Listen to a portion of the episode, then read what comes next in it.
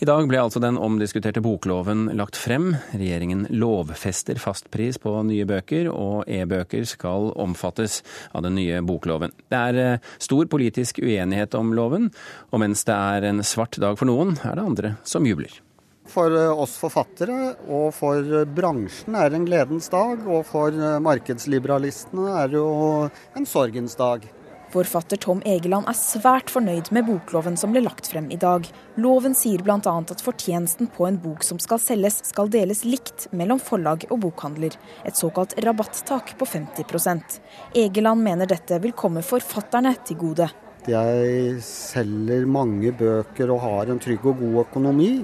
Men jeg tror kolleger som eh, ikke selger fullt så mye, vil kunne føle en viss trygghet dels i, opp mot dette Altså hvor mye skal han eller hun tjene neste år? Altså Det henger jo sammen med både bokpriser og markedet som helhet. Det har sammenheng med om bestselgere dumpes på supermarkedet, som ville skjedd i et friprisregime. Og det slipper vi nå da med en boklov som regulerer eh, markedet ut fra kulturpolitiske interesser og ikke næringspolitiske interesser. Kulturminister Hadia Tajik la frem bokloven på Litteraturhuset i Oslo til fullsatt sal i dag, og oppsummerer hovedpunktene i loven slik. Bokloven eh, vil være obligatorisk for alle som har bøker som sin kjernevirksomhet. Den vil involvere e-bøker og fagbøker på linje med papirbøker. Og den vil regulere rabattene mellom forlagene og bokhandlerne på en måte som gjør at eh, de med stor eiermakt ikke skal kunne skvise ut de mindre aktørene. Men det finnes kritiske stemmer både blant forfattere og forleggere.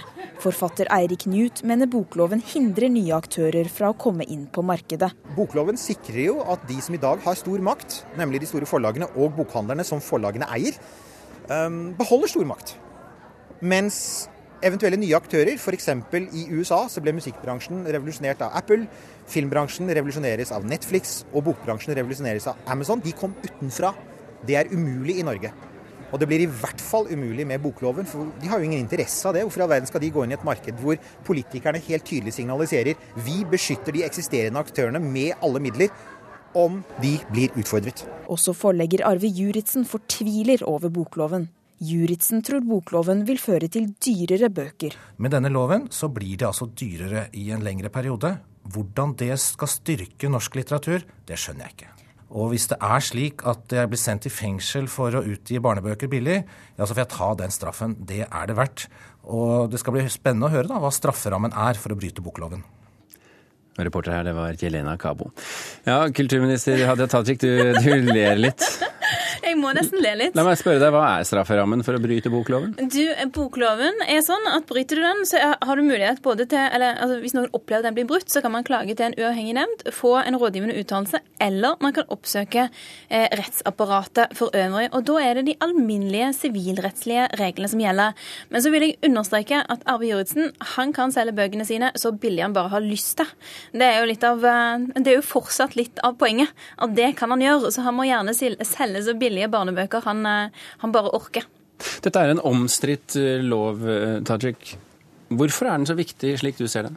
Du, Det vi gjør i dag, det er det samme som åtte andre store eh, kulturnasjoner i Europa har gjort, som Frankrike har gjort, som Tyskland har gjort, som, Frank som Italia har gjort. Og det er å løfte eh, litteraturen ut av en unntaksordning i konkurranselovgivningen og inn i lovverket. Og det vi gjør da, er at vi lovfester bredde, kvalitet, tilgjengelighet i norsk litteratur på alle plattformer i alle deler av landet. Det er til syvende og sist dette det handler om. Og det handler om å ta hensyn til leserne, eh, om eh, at de skal ha tilgang på en bredde av litteratur, og at forfatterne skal kunne konkurrere på like vilkår når de gir ut sine bøker. Uansett om det er et veldig kjent navn eller et nytt, gryende, spennende navn. Eh, forlagssjef Arve Juritzen, som vi hørte her, han sier jo også det at dette er en lov som tjener de tre store forlagene, Cappelen Dam, Aschehoug og Gyldendal. Hva er det han har misforstått? Han tar helt feil. Altså, det er sånn med bokloven at den sikrer like konkurransevilkår. Man kan ikke diskriminere eh, f.eks. en bokhandel eller et forlag på basis av, at, altså på basis av eierkonstellasjoner. Vilkårene, vilkårene, må være like uansett.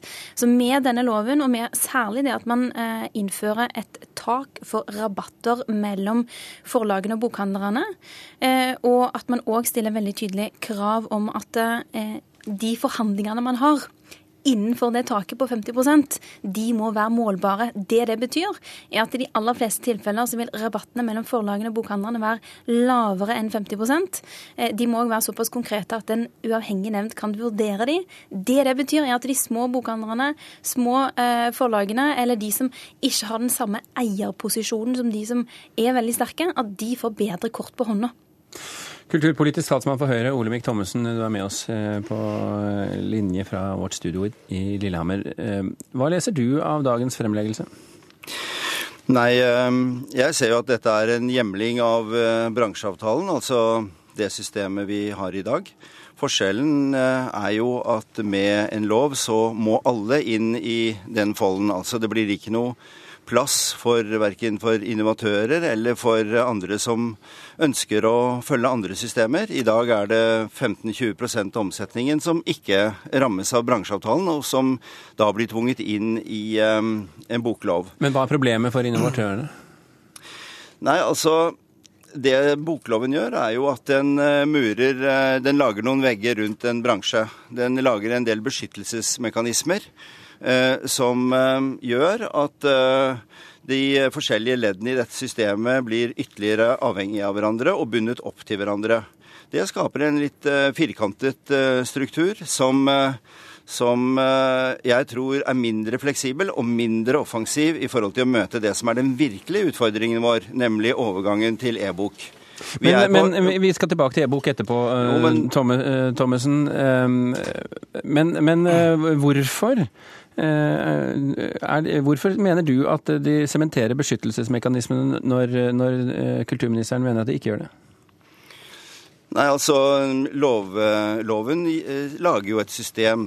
Altså Kulturministeren har f.eks. vært inne på, på, dette med 50% rabatt mellom forlag og bokhandel. Så er det jo også åpnet for at man kan ha tillegg, altså såkalte markedsmidler eller, eh, eller markedsførings, ja, markedsføringsmidler. Det har jo vist seg også å være ganske ullent i praksis så langt. Og det gleder meg jo at eh, departementet har forsøkt å lage et eh, godt system for det, men, men, det gjenstår å se om det vil komme til å fungere. Så er det, men, nei, men så bare for å svare på spørsmålet ditt. Saken er jo at de store forleggerne har investert store penger i bokhandel de er, vil ikke være interessert i å utsette den fysiske bokhandelen for den konkurransen som e-boken gir, og de vil ikke ha noen aktiv interesse i å stimulere eh, oppbygging av tekniske systemer for e-bok. Uh, og Det er vel kanskje den hovedmekanismen som gjør at uh, dette ikke vil fungere på en god måte. Tajik, her var det et par-tre ting du måtte ta tak i. Ja, og først og fremst så bærer kommentarene til Høyre preg av antagelser om, om, om, loven, heller enn det loven faktisk er, og det som faktisk står i den. Altså, For meg er det veldig viktig at vi legger til rette for teknologiutvikling og innovasjon på e-bokmarkedet. Og Da er det særlig to ting som er viktig, og det er skaffe- og leveringsplikten, som òg gjelder e-bøker. Eh, og det innebærer at hvis du da er en ny aktør som har en ny idé på hvordan man skal distribuere e-bøker på en måte som vi i dag ikke klarer å overskue, som eh, enten kan være en, en eh, form for strømmetjeneste eller abonnementstjeneste eller en innretning som, er, som, som vi i dag ikke klarer å se for oss, så vil en sånn aktør ha bedre forutsetninger med en boklov, fordi den aktøren da har krav på å få tilgang på e-bøkene fra alle forlagene. Ingen kan skvise vedkommende. Og det vi òg gjør, det er å sikre sikre en hjemmel for følgende, og det syns jeg er ganske spennende. Eh, det er at vi sikrer muligheten for å lage nye prismodeller for nye distribusjonskanaler digitalt. Og det, det betyr at når man får nye plattformer for e-bøker, så kan vi fastsette prismodeller som gjør det mulig å få tilgang på masse nye bøker, som er altså innenfor fastprisperioden, og ikke bare backlisten til forlagene, eh, men at man får tilgang på de bøkene til en pris som er lavere enn summen av fastprisen på alle de bøkene. Og Det har man ikke hatt muligheten til før, men det får man med bokloven. Thommessen, Høyre og Frp sa jo på radioen i dag at dere kan komme til å skrote loven hvis dere får flertall på Stortinget til høsten. Hvorfor vil dere det?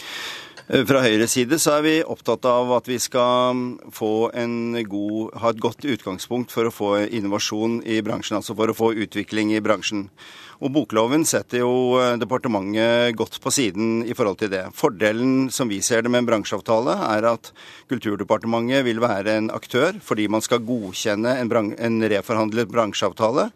Eh, og da vil Kulturdepartementet være et helt annet inngrep til en dialog med denne bransjen i forhold til hvordan man skal finne frem gode løsninger. Det gjelder ikke minst hvis man sammenligner verdikjeden på e-bok med verdikjeden på papirbok, så vil man se at det er noen forskjeller som diskriminerer e-bok. Momsen er det mest iøynefallende. Vi tror vi, Nei, jeg må bare avslutte det. Vi tror at det vil være viktig med en god dialog mellom bransje og eh, stat i forhold til å se hvordan ram, nye rammebetingelser eller revisjon av rammebetingelser kan settes i sammenheng med de premissene som gjelder fremover. Og Da vil fastpris og en del av de elementene som i dag ligger i bransjeavtalen selvfølgelig være der der. Forskjellen til dagens boklov vil være liten, men handlingsrommet vil være større med en avtalebasert ordning.